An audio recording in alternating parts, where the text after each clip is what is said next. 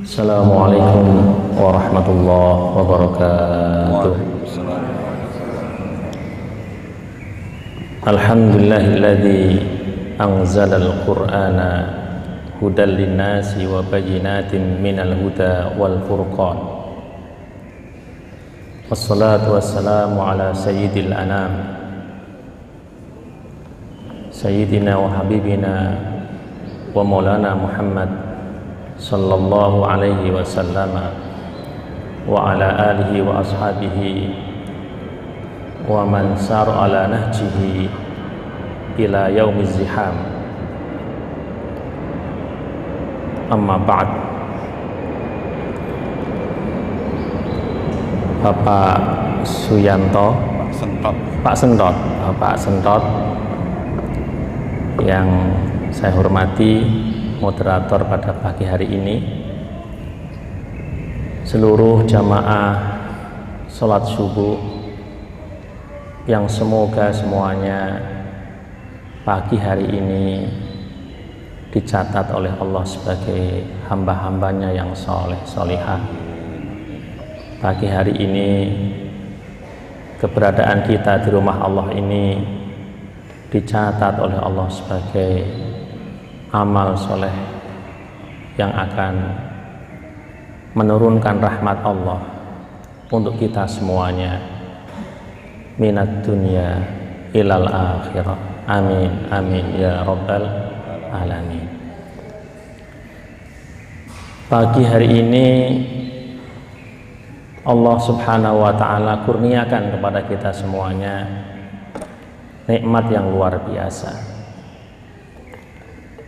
Allah Subhanahu wa taala berikan kepada kita semuanya kekuatan sehingga kita bisa beribadah kepada Allah Subhanahu wa taala. Dan pagi hari ini kita akan sama-sama membahas tentang satu sisi keindahan Al-Qur'an. Semoga dengan kita membahas Al-Quran Kita mendapatkan barokah dari Al-Quran. Al-Quran itu memberikan barokah kepada semua yang terkait dengan Al-Quran.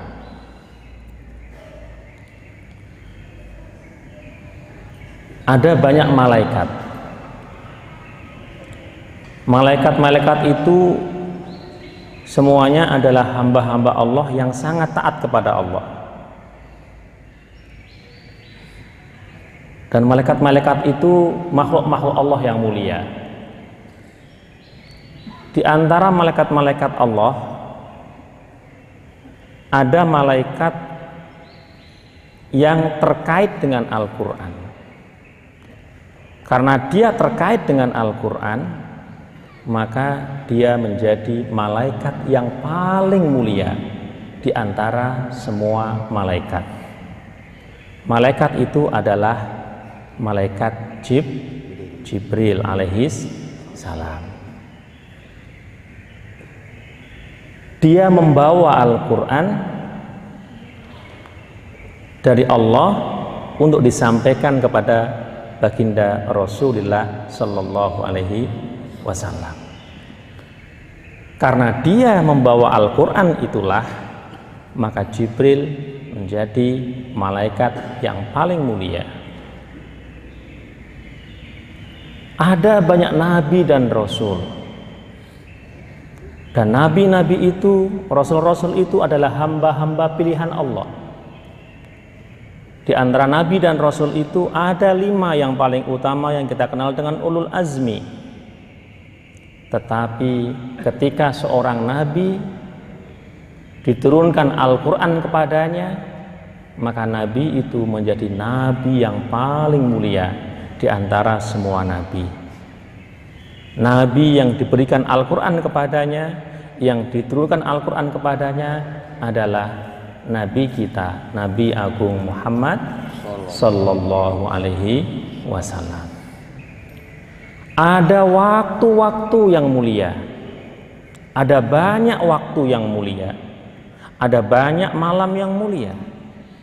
Tetapi malam itu ketika terkait dengan Al-Quran, malam itu adalah malam diturunkannya Al-Quran, maka malam itu menjadi malam yang paling mulia dari semua malam. Itu adalah Lailatul Qadar. Ada banyak bulan, ada bulan-bulan yang dimuliakan oleh Allah. Ashurul Hurum, bulan-bulan ha, haram dimuliakan oleh Allah tetapi ada satu bulan di mana bulan itu Al-Quran diturunkan. Maka bulan itu menjadi bulan yang paling mulia, yaitu bulan suci Ramadan. Syahru Ramadan alladzi unzila fihi al-Qur'an hudan linnasi wa bayyinatin minal huda wal furqan. Ada banyak umat-umat Nabi terdahulu yang juga diturunkan Al-Quran, eh, diturunkan eh, kitab-kitab Allah kepada mereka.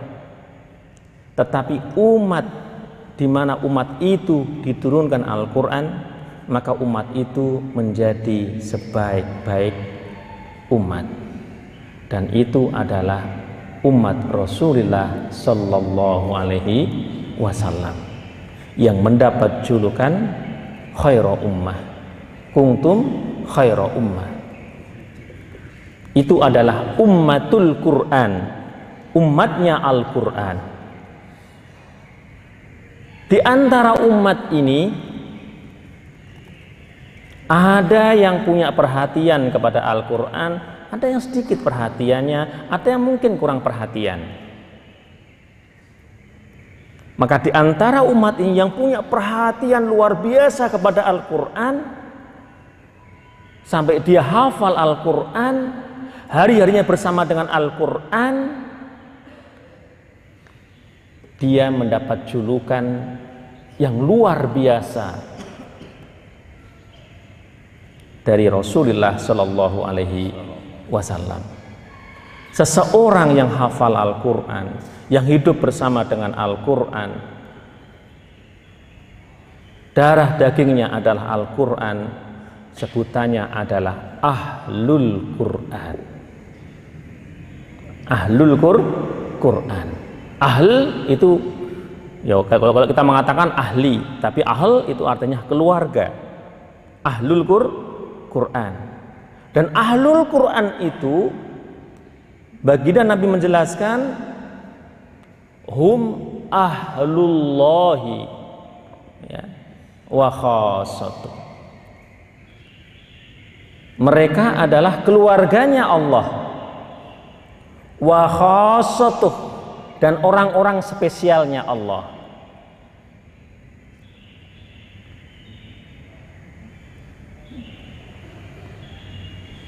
Dan orang yang belajar Al-Quran Mengajarkan Al-Quran Itu adalah sebaik-baik manusia sebaik-baik umatnya Rasulullah Shallallahu Alaihi Wasallam.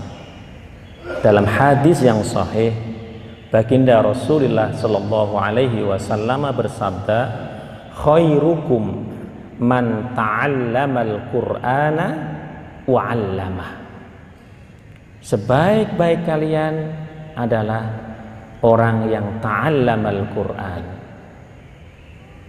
yang belajar Al-Quran wa'allamah dan mengajarkan al Al-Quran ada banyak tempat di atas muka bumi ini ada banyak majelis di atas muka bumi ini tapi majelis di mana ada Al-Quran itu termasuk sebaik-baik majelis majelis di mana Al-Quran dibacakan, saling mendengarkan bacaan Al-Quran, saling mengkaji isi Al-Quran, itu sebaik-baik majelis. Nabi menjelaskan itu raudotun min riyadil jannah. Itu adalah taman dari taman-taman surga. Di mana ada majelis, di situ Al-Quran dibacakan, malaikat turun di situ. Barokah Allah tuh turun. Walhasil semua yang terkait dengan Al-Quran diberkahi oleh Allah Subhanahu wa Ta'ala. Karena Al-Quran adalah kalamullah. Al-Quran membawa barok, barokah. Sebaik-baik yang diberikan orang tua kepada anaknya adalah pendidikan Al-Quran. Sebaik-baik yang dimasukkan orang tua ke dalam jiwa anaknya adalah Al-Quran. Pagi hari ini kita akan membahas satu sisi keindahan Al-Quran. Al-Quran min awal ilal akhir itu semuanya adalah keindahan. Semuanya adalah kein keindahan. Semuanya adalah barokah. Semuanya adalah syifa. Adalah oh, obat.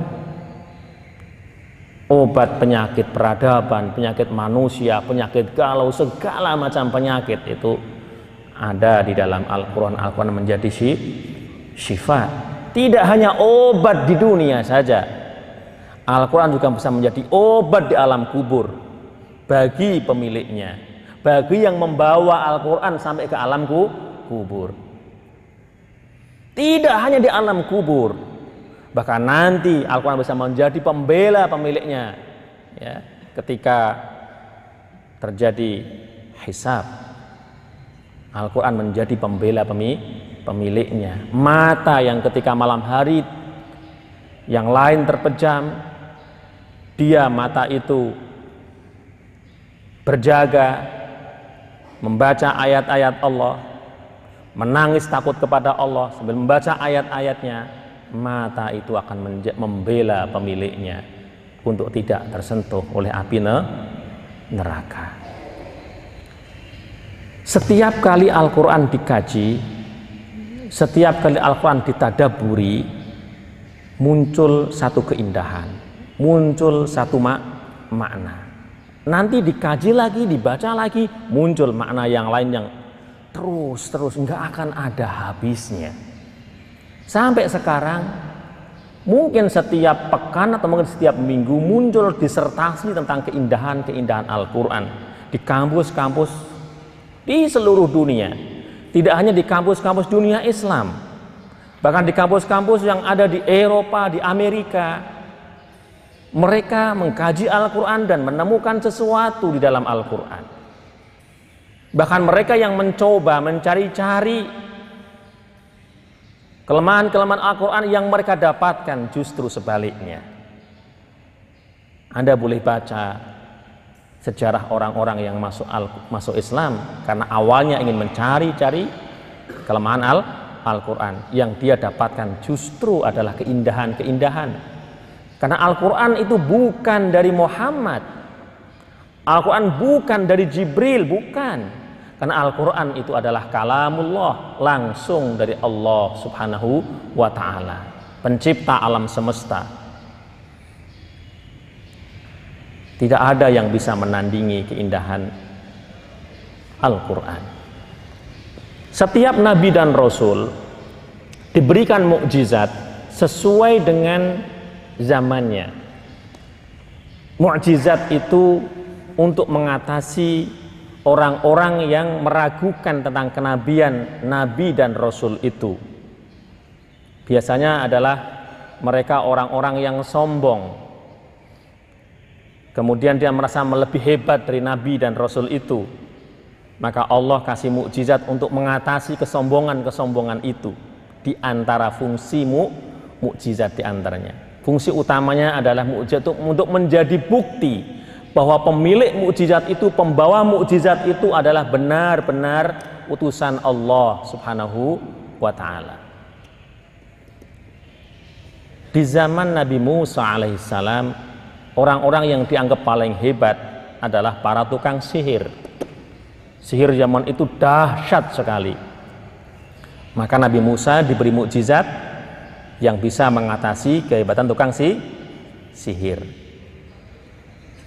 Di zaman Nabi Isa alaihissalam, mukjizat Nabi Isa mengatasi kehebatan orang-orang yang paling hebat di zaman itu.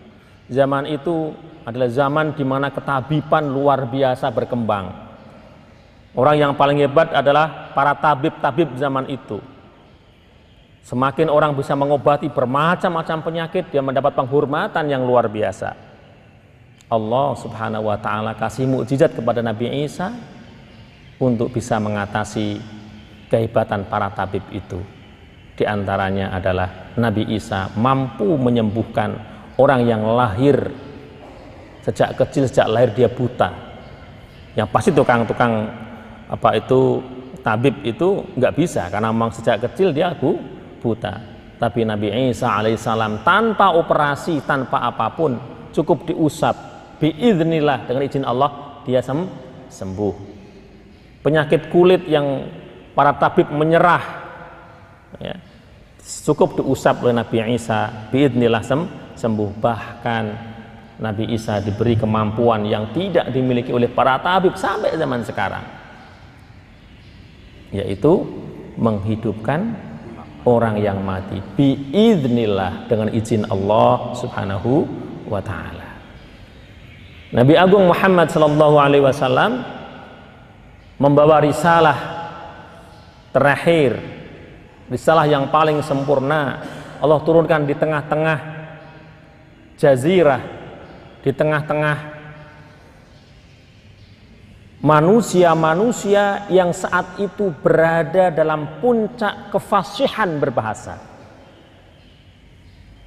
Puncak fasohah, puncaknya kefasihan dalam berbahasa saat itu. Sampai-sampai saat itu ada pertandingan kehebatan menyampaikan syair secara langsung. Ada pertandingan di antara penyair itu menyampaikan sa syairnya. Nanti yang paling hebat syairnya ya, akan ditempelkan di dinding Ka'bah.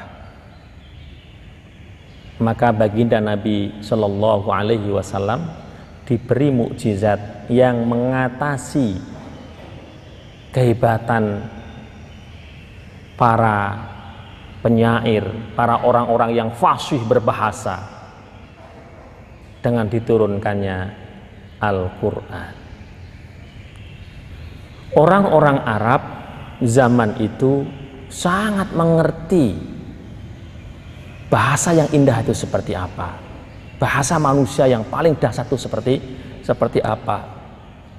Rumus-rumus tentang syair yang dahsyat itu sudah menjadi malakah Malakah itu apa? Malakah itu sudah tidak terpikirkan, udah ahli begitu. Udah malah malakah, udah nggak perlu berpikir lagi, udah menyatu. Kepakaran itu udah menyatu di sebagian besar masyarakat Arab zaman itu. Maka Allah turunkan Al-Quran. Bahkan ketika Al-Quran dibacakan, cukup dengan satu ayat yang sangat pendek itu membuat orang-orang kafir Quraisy nggak bisa berkata-kata. Mereka yang pakar-pakar itu yang punya malakah, punya keahlian di bidang sastra yang menyatu, mendarah mensumsum. Begitu mendengar cukup Allah kasih satu susunan yang belum pernah mereka pikirkan. Yang penuh makna yang sampai sekarang sebagian ahli tafsir berpendapat maknanya yang hanya Allah yang tahu. Tetapi orang-orang kafir dan Quraisy itu bisa merasakan kedahsyatannya bahwa ini bukan sekedar susunan huruf.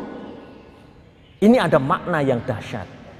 Mereka yang daki-daki sastranya itu Rasulullah membacakan firman Allah Alif Lam Mim. Tiga huruf. Alif Lam Mim. Belum pernah ada sebelumnya. Mereka langsung terhenyak apa ini? Mereka langsung ini dahsyat sekali Alif Lam Mim. Sebagian ahli tafsir mencoba mencari maknanya. Isyarat-isyarat dalam alif lam lam mim. Sebagian ahli tafsir menyerahkan maknanya yang tahu hanya Allah Subhanahu wa taala.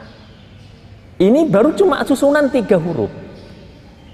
Mereka sedang menangkap pakar-pakar sastra di zaman itu bahkan kemudian meminta kepada orang-orang yang ada di Mekah saat itu kalian jangan dengarkan Al-Quran.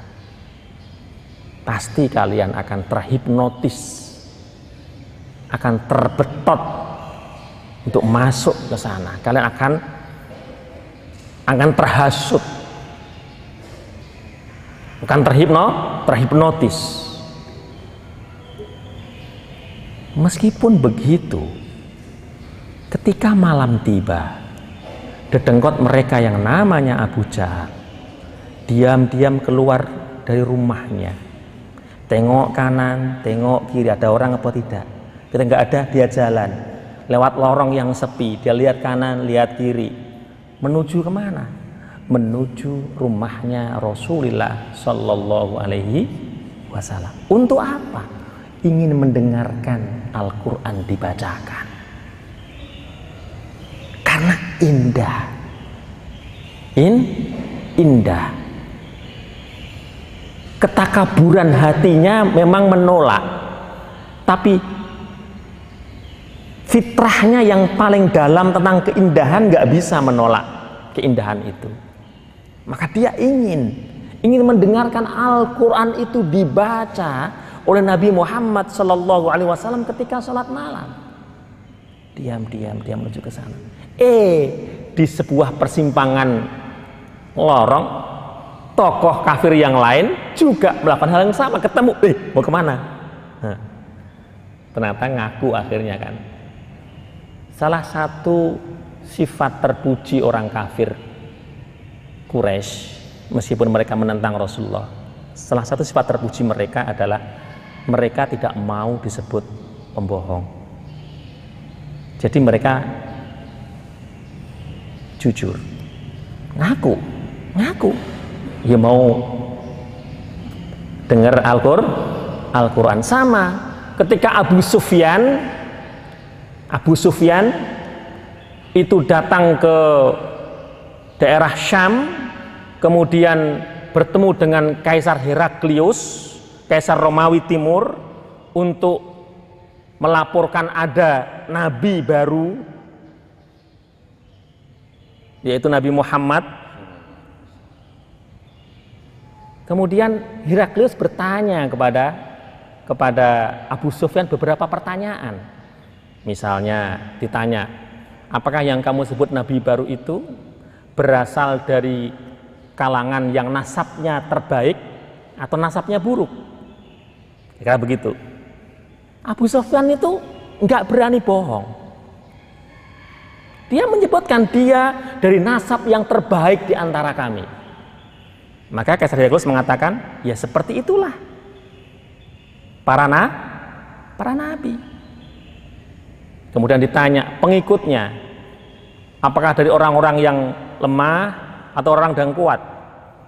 Buswan mengatakan dari orang yang lemah. Ya begitulah para para nabi.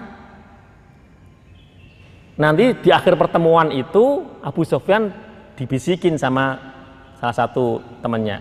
Kenapa kamu nggak bohong? Oh, nggak mau aku nanti sebut pembohong. Jadi jujur tentang Rasulullah SAW ju, jujur itu salah satu sifat terpuji ya zaman dah, dahulu ya kan? Sifat ter, terpuji. Lah sifat-sifat terpuji itu oleh Islam disempurnakan dengan kehadiran Nabi Agung Muhammad Sallallahu Alaihi Wasallam.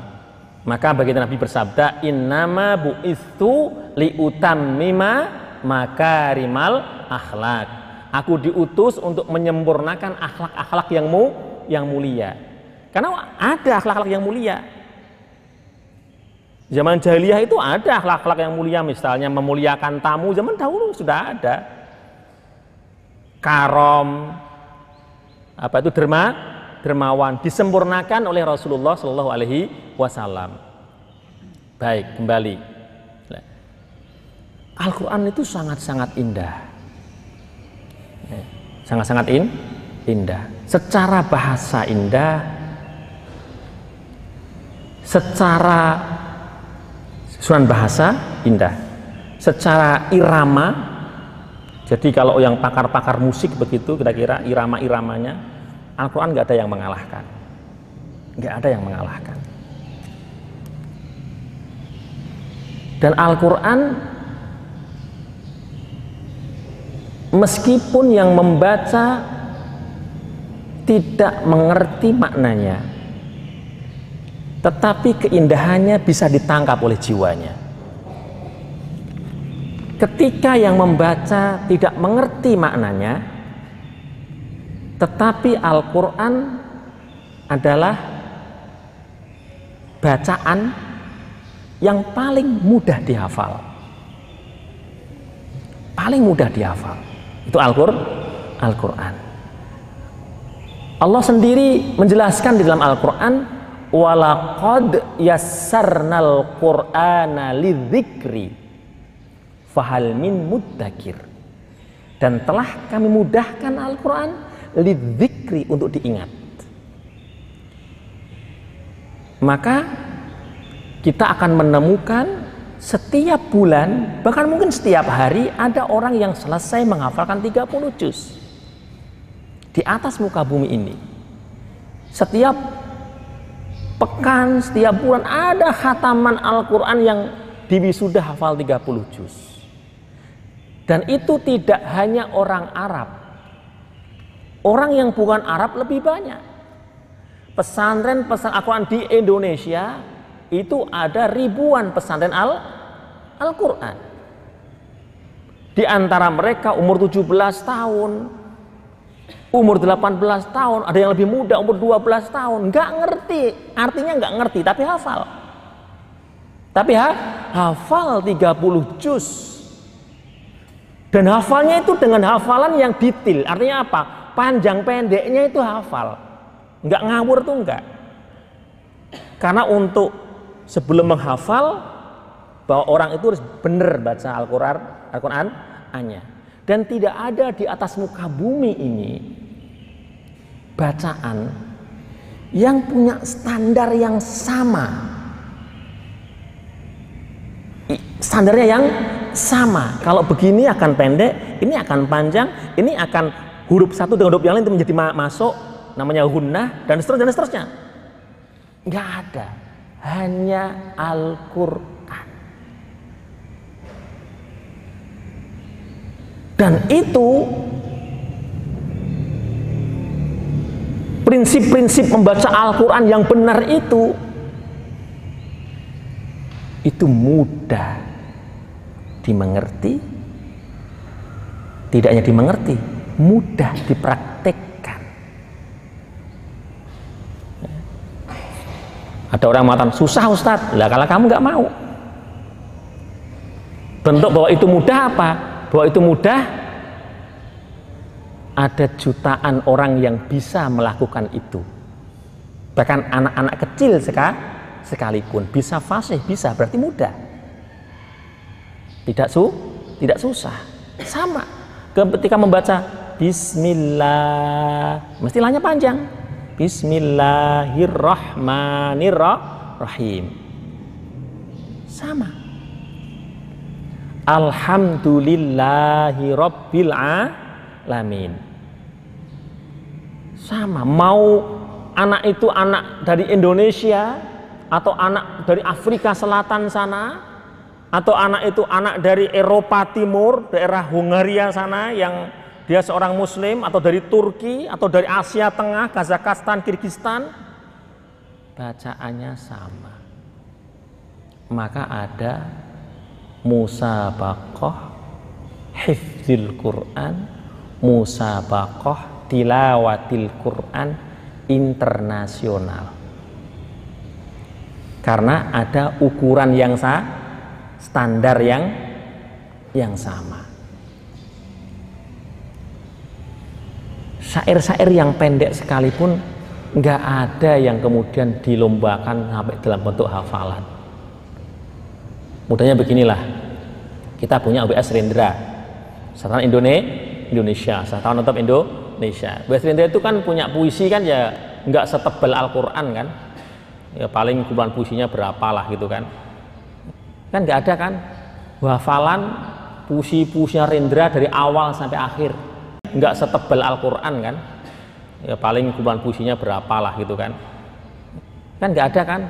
Hafalan puisi-puisinya Rendra dari awal sampai akhir nggak ada. Bahkan Rendra sendiri kalau baca puisinya aja baca. Dia nggak hafal. Suruh hafal gitu? Enggak saya, saya, saya, saya juga nulis puisi. Saya punya banyak puisi juga. Kalau saya baca ya hanya ada beberapa puisi yang saya hafal. Tapi nggak semua puisi saya yang satu sendiri itu saya hafal. Baca. Taufik Ismail, sastrawan top kita, coba Anda lihat kalau dia, dia baca puisi. Lebih sering membaca. Membaca puisinya sendiri aja nggak hafal semuanya. Satu dua hafal, tapi kok semuanya nggak hafal. Beda dengan Al-Quran. Satu huruf hilang, langsung ngerti itu ada yang hilang jangan satu huruf yang semestinya dibaca fathah dibaca kasroh anak kecil tahu itu salah. Atau semestinya dibaca kasroh dibaca fat fathah salah. Misalnya ada orang mengatakan Alhamdulillahi Rabbal Alamin. Langsung salah. Robil mesti gitu anak kecil. Padahal dia nggak ngerti tentang nahu dan sorof. Karena udah menjadi walakot yasarnal qur'ana lidzikri fahal min muddakir. Ini salah satu al-i'jaz, kemukjizatan Al-Qur'an. Tadi tentang Al-Qur'an di depan sudah gambaran tentang Al-Qur'an yang itu satu sisi kemukjizatan sudah. Sekarang kita bahas intinya Jam berapa? Udah mau satu jam baru bahas pembukaan ya. Tentang sastra Al-Quran. Ya. Al-Quran sekali lagi bukan buatan manusia. Bukan buatan Muhammad Sallallahu Alaihi Wasallam. Bukan yang ngarang itu Jibril bukan. Al-Quran langsung dari Allah Subhanahu wa taala untuk disampaikan kepada umat manu, manusia. Ini bentuk rahmatnya Allah. Jadi Allah ya kan memakai bahasanya umat manusia. Tapi nggak ada yang bisa menandingi bahasa Al-Qur'an. Al-Quran. Al-Quran sangat detail. Salah satu kemukjizatan Al-Quran bahasa sastra Al-Quran adalah detail yang tidak dimiliki oleh bahasa-bahasa umat manusia di mana pun. Salah satu bentuk detail. Dalam Al-Quran Allah menyifati rumah laba-laba. Allah berfirman, wa inna auhanal buyuti labaitul angkabut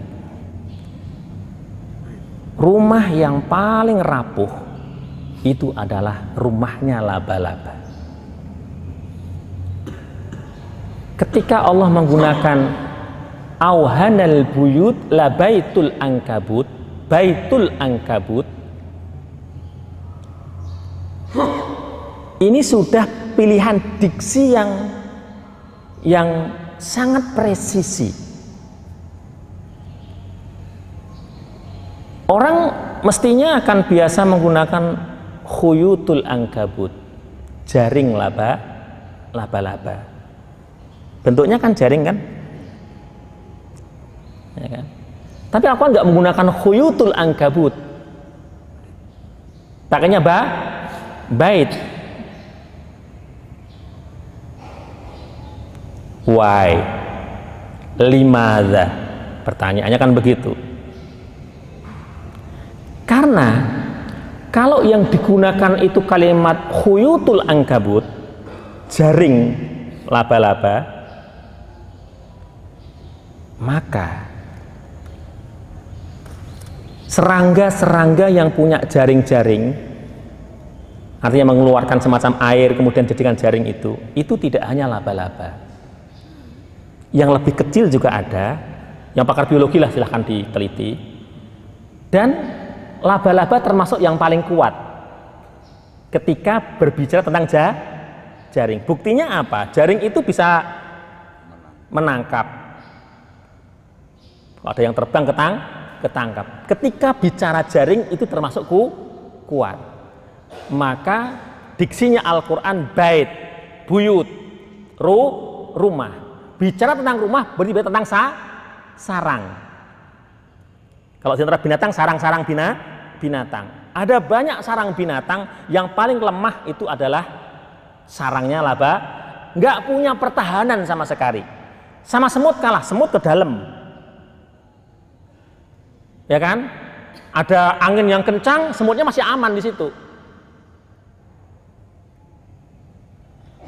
Yang semut bahkan lebih kecil daripada laba laba-laba. Rumah apa itu lebah? Ada apa itu dinding-dindingnya? Kan gitu kira-kira kan? Bahkan ada ada perlindungan-perlindungan di sana. Dingin dia masih bisa berlindung. Laba-laba enggak. Tapi itulah rumahnya dia ada angin agak keras dikit jadi diksinya Al-Quran baru satu satu itu aja diksinya dahsyat. Wa inna auhanal buyut la baitul ang kabut makanya pakainya bait. Apalagi dibandingkan rumahnya manusia. Oh kayak gini.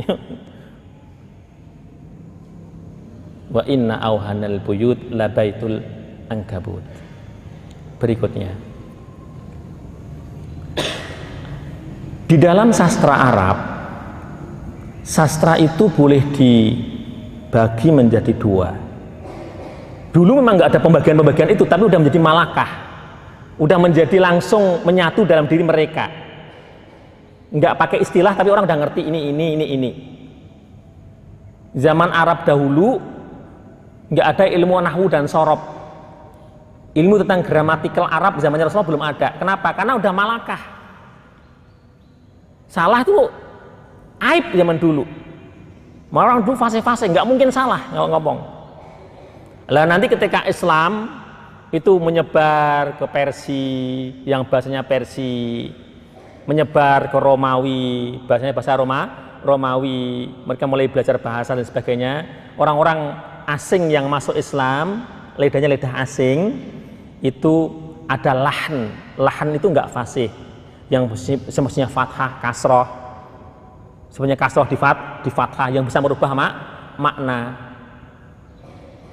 Nanti kemudian zamannya Ali bin Abi Thalib radhiyallahu an, Ali memerintahkan seorang ulama zaman itu, seorang tabiin namanya Abdul Aswad Adu Ali untuk menulis kaedah-kaedahnya. Jadi kaedah yang yang sudah menjadi malakah bagi mereka itu kemudian ditulis dijadikan ilmu supaya orang-orang yang asing itu ngerti ini mestinya fathah, ini mestinya kas kasroh. Itu namanya malah malakah. Nah, orang-orang Arab zaman dahulu langsung bisa menangkap tentang keindahan-keindahan Al-Quran dari sisi kebah kebahasaan. Selain tadi tadi sisi, sisi dari dari diksi kata-katanya. Satu contoh, belum contoh yang lain. Nah, Al-Qur'an itu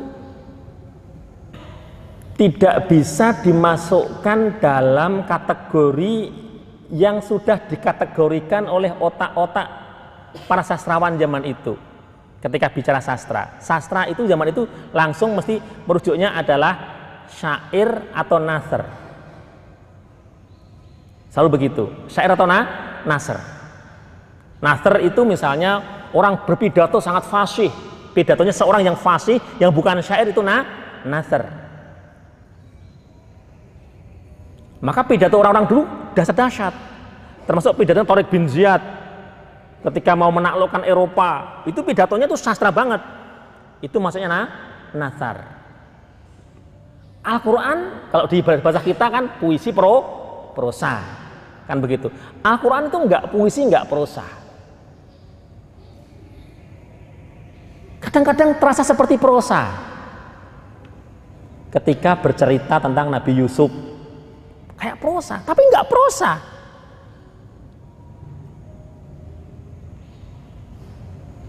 Jadi ketika mereka mengatakan orang-orang jahiliyah itu karena nggak nggak punya definisi untuk Al-Quran, tapi mereka itu ngaku ini indah, tapi mereka itu ada ada ketakaburan ketakaburan nggak mau ngakui kebenaran yang dibawa Rasulullah Shallallahu Alaihi Wasallam, mereka asal ngomong aja.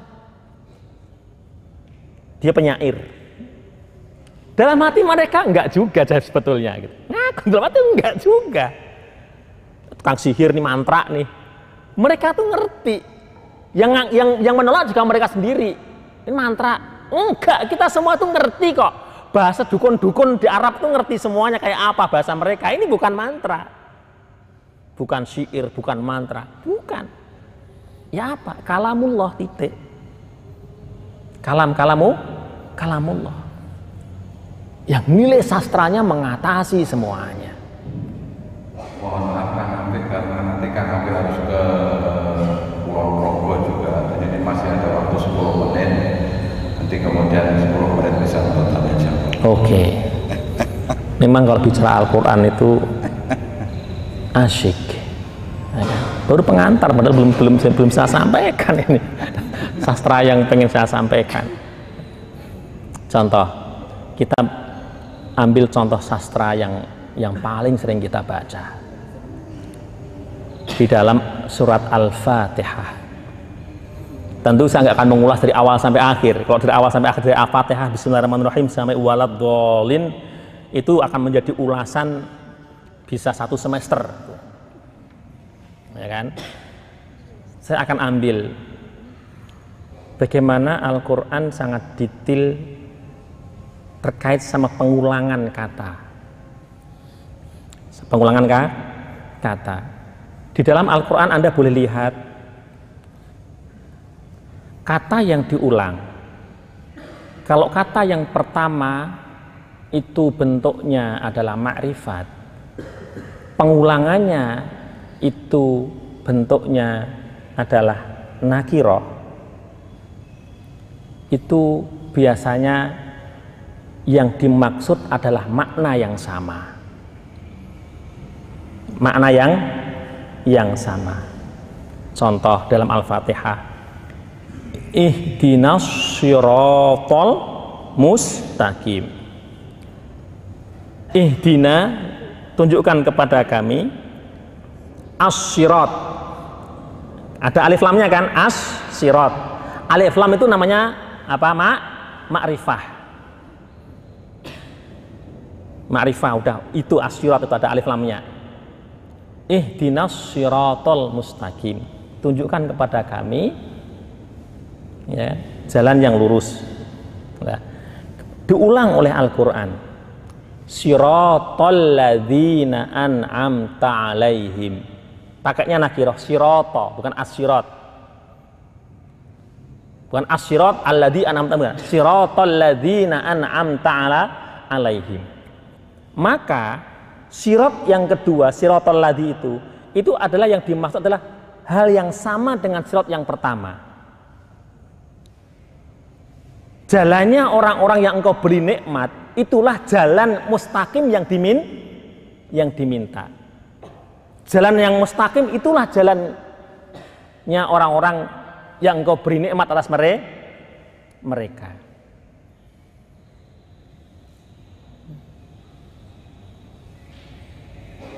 Ini salah satu keindahan Al-Qur'an Al-Quran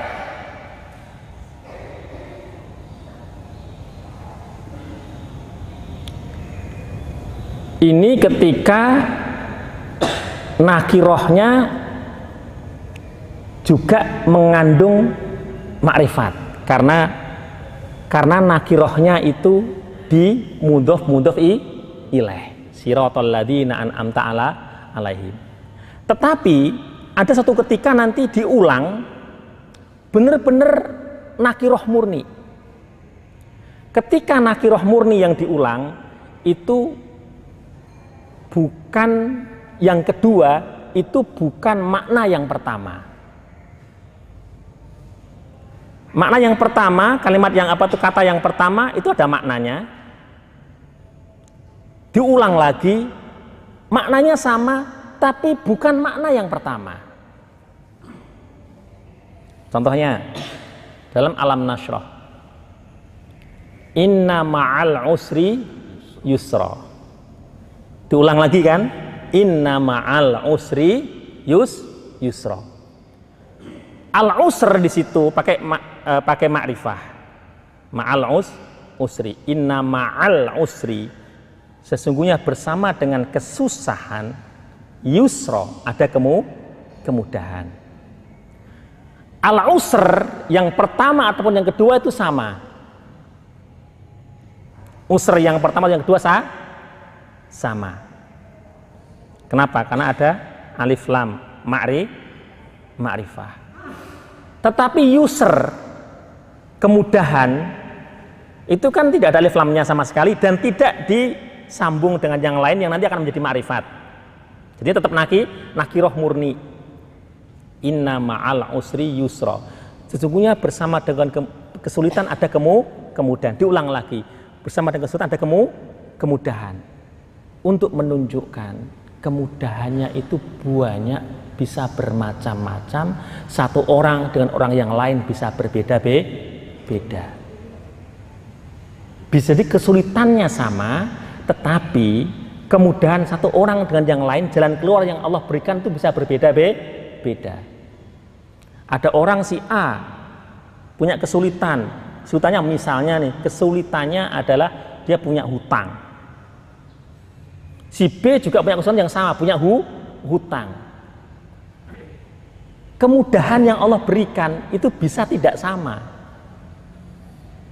Ini akhirnya hutangnya di apa itu bisa dilunasi karena anaknya dapat rizki yang berlimpah ruah bisa membayar hutang orang tu, tuanya yang si B beda, dia nggak punya anak. Dia harus bekerja keras untuk melunasi hutang hutangnya. Dan seperti ini sudah difahami oleh orang Arab zaman dahulu. Bahwa yusra kemudahan itu kesulitan bisa sama bentuknya ada kesulitan tapi kemudahan Allah itu banyak sekali. Bisa berbeda be, beda. Setiap kali kita membaca Al-Quran, apalagi yang mempelajari bahasa Arab, kita akan menemukan keindahan-keindahan itu. Dan sampai sekarang, ribuan disertasi ditulis tentang keindahan Al-Quran itu belum selesai. Masih terus ada orang yang nulis lagi, apanya lagi, apanya lagi. Tentang misalnya huruf-huruf jer dalam Al-Quran aja itu satu disertasi sendiri tentang kosam, sumpah-sumpah Allah dalam Al-Quran, banget ulama klasik udah nulis. Pun ulama kontemporer masih ada yang nulis lagi menemukan sesuatu yang baru di sana. Terakhir, terakhir ini terakhir di sini ya, bukan terakhir tentang keindahan Al-Quran, bukan. Terakhir, karena waktunya mau habis ini terakhir. Ya. Salah satu dahsyatnya Al-Quran yang itu bisa menjadi teladan kita dalam mau menulis karya sastra adalah kesantunan bahasa Al-Quran. Jadi semestinya sastrawan muslim belajar tentang kesantunan Al-Quran. Kesantunan bahasa Al-Quran. Karena ini turun dari Allah Subhanahu wa Ta'ala. Paling mengerti tentang fitrah umat manusia. Al-Quran ini kitab petunjuk untuk umat manusia tentang segala kehidupan umat manusia termasuk yang tadi kalau kalau apa itu eh, Pak Khotot menyebutkan tentang seks sek misalnya di Al-Quran itu juga ada petunjuk-petunjuk yang terkait bagaimana manusia melakukan hubungan seksual. Suami is istri. Bahasanya santun sekali. Contoh ini bagi yang mau nikah. Dalam Al-Quran dijelaskan hunna libasul lakum wa antum libasul lahunna ini kalau diterangkan kalau saya kasih ular-ular pernikahan panjang ini. Satu jam saya bisa menguraikan ini. Hunna mereka istri-istrimu libasul lakum. Pakaian untuk kamu. Wa antum dan kalian laki-laki para suami libasul lahunna. Adalah pakaian untuk mereka. Istri-istri ka, kalian kalau kita pakai pakaian kita berjarak enggak dengan pakaian kita? Hampir berjarak enggak berjarak kan? Nempel kan? Masa ada pakai pakaian pakainya gini? Nempel kan? Nem? Nempel. Fitrahnya kan begitu. Al-Quran ingin menjelaskan ada ada makna yang yang apa itu berlapis-lapis di sini. Lapis yang pertama, ini ingin menjelaskan ketika suami istri berada dalam posisi yang paling intim, paling intim. Ketika posisi paling intim ibadah suami istri itu, itu itu yang benar, itu tidak ada pakaian yang menghalangi mereka Kenapa? Karena istri itu menjadi pakaiannya suami. Suami menjadi pakaiannya is, istri. Cuma nanti agar agar berbeda dengan apa itu yang bukan manusia, di atas mereka berdua baru dikasih ka, kain. Di atas mereka ber, berdua. Tapi saat itu ketika paling saat itu sedang intim-intimnya, pakaian sang suami ya istrinya itu. Istri pakai punya pakaian. Iya, saat itu pakainya sang istri berarti dia sudah nggak ada lagi selembar kain pun yang menutupi dia karena yang menutupi dia adalah sua, suaminya. Hunna libasul lakum wa antum libasul lahunna. Lah, kalau Anda ingin tahu Anda boleh tanya. Bagus suami istri tetap berjarak dengan ada pakaian-pakaian lain apa enggak ketika sangat intim itu tanyakan para pakar seksolog bahkan Imam Ghazali sudah menjelaskan itu paling bagus ya langsung pakaian suami itu istrinya itu. Tapi kan nggak dijelaskan dengan gini-gini kan kawan kan cukup dengan bahasa Isa itu namanya kesan kesantunan. Lapis makna yang kedua. Ada terkait sama ketika suami istri sudah berada di masyarakat, maka saat itu suami adalah pakaian istri. Istri adalah pakaian su suami. Artinya apa? Saling melengkapi. Itu harus difahami. Suami itu bukan malaikat. Dia punya aib, punya macam macam-macam. Aib itu ditutupi dengan pak pakaian. Fungsi pakaian itu apa? Untuk menambah kalau kita di SD itu kan ada kan dari SD itu. Fungsi pakaian menjaga kesehatan, untuk menutup a aurat, menutup a aib. Jadi kalau punya belang ya kan di punggung ada belangnya, ada panunya macam-macam misalnya. Ya kan? Kalau pakai pakaian kan nggak kelihatan. Jadi fungsi pakaian itu untuk memperindah umat manusia. Ini fitrahnya umat manusia begitu fitrahnya umat manusia itu adalah berpakaian baru menjadi manusia kalau nggak berpakaian bahaya untuk memperindah menambah apa itu wibawa dan harkatnya sebagai manu, manusia lah suami itu memperindah istri artinya apa aib-aib istri mestinya suami yang paling bisa menjaga Istri punya kekurangan karena dia punya suami seperti itu, kekurangannya terangkat. Istri ini pelupa. Ada kan yang pelupa? Tapi suaminya bukan orang pelupa. Kalau seandainya istri itu sendiri, maka di mana-mana dia akan lupa. Apa-apa lupa, apa-apa lupa. Tapi ada suaminya yang mengingatkan. Sehingga apa? Suami itu bisa menutupi kekurangan istri. Nah. Dan sebaliknya, istri menjadi pakaian sua, suami. Istri menutupi kekurangan-kekurangan suaminya. Bukan seperti zaman sekarang. Suami lagi marah sama istri, curhatnya ke mana? Ke Facebook. Aibnya dikeluarin semua. Istri lagi marah, curhat ke mana? Ke Facebook, dikeluarin aibnya suami. Ini nggak bener. Yang bener hunna libasul lakum wa antum libasul lahunna. Santun sekali Al-Quran itu, santun sekali. Ini yang perlu kita kita teladani dari bahasa Al-Quran. Satu lagi, kesantunan Al-Quran. Ketika aku menggambarkan saat itu Nabi Yusuf di dalam rumah pintu-pintu udah ditutup jendela-jendela udah ditutup. Ini kalau sastrawan Eropa pasti menggambarkan jadi porno. Kalau Al-Quran bahasanya indah kalimatnya walakot hammat bihi wa hamma biha. Walakot hammat. Dan perempuan itu Imro'atul Aziz di sebagian tafsir nanti ada yang menyebutkan itu namanya Zulaikha. Sebagian yang lain menyebutkan bukan Zulaikha. Tapi yang terkenal di Indonesia ikut tafsir bahwa itu namanya Zula, Zulaikha perempuan itu hamad bi sangat menginginkan Yusuf bahasanya begitu wahamma biha dan Yusuf juga menginginkan perempuan itu kalau dia tidak mendapat burhan dari Allah Subhanahu wa taala. Di sini ada dua tafsir. Tafsir yang pertama ini mayoritas ulama lebih sepakat ini bahwa seandainya Yusuf nggak ada nggak dapat burhan dari Allah dia akan menginginkan perempuan itu. Artinya Yusuf nggak ada keinginan. Karena udah ada burhan dulu.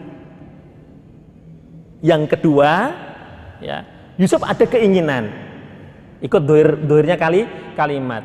Wahamma biha dan dia menginginkan perempuan itu seandainya nggak mendapat bur, burhan.